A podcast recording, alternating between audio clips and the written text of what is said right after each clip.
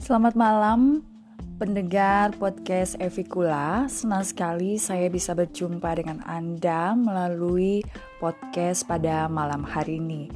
Pada saat ini saya mau cerita tentang makanan khas yang ada di Sulawesi Tengah.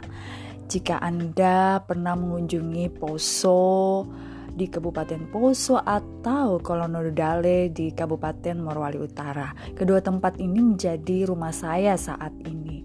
Nah, Anda akan menemukan makanan enak yang biasa disantap kalau sore-sore. Amat terlebih kalau hujan, rintik-rintik, uh, enak banget makan makanan ini. Apa itu? Kami di sini menyebutnya binte.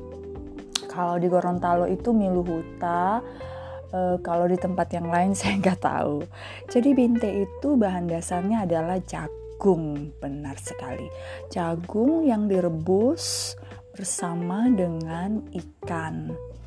Ada baiknya ikannya direbus dahulu lalu dicampurkan atau disuir-suir baru dicampurkan bersama dengan jagung yang juga udah dikeluarkan dari tongkolnya.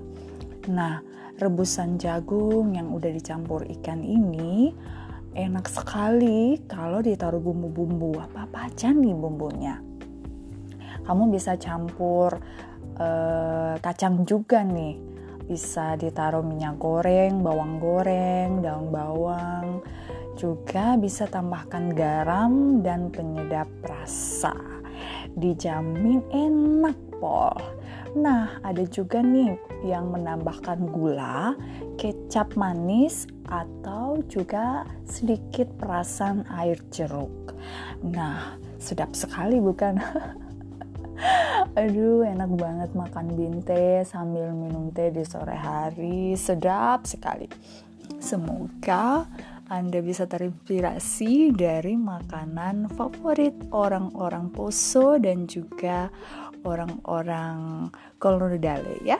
Sekian podcast pada malam hari ini bersama dengan saya Evi Kura.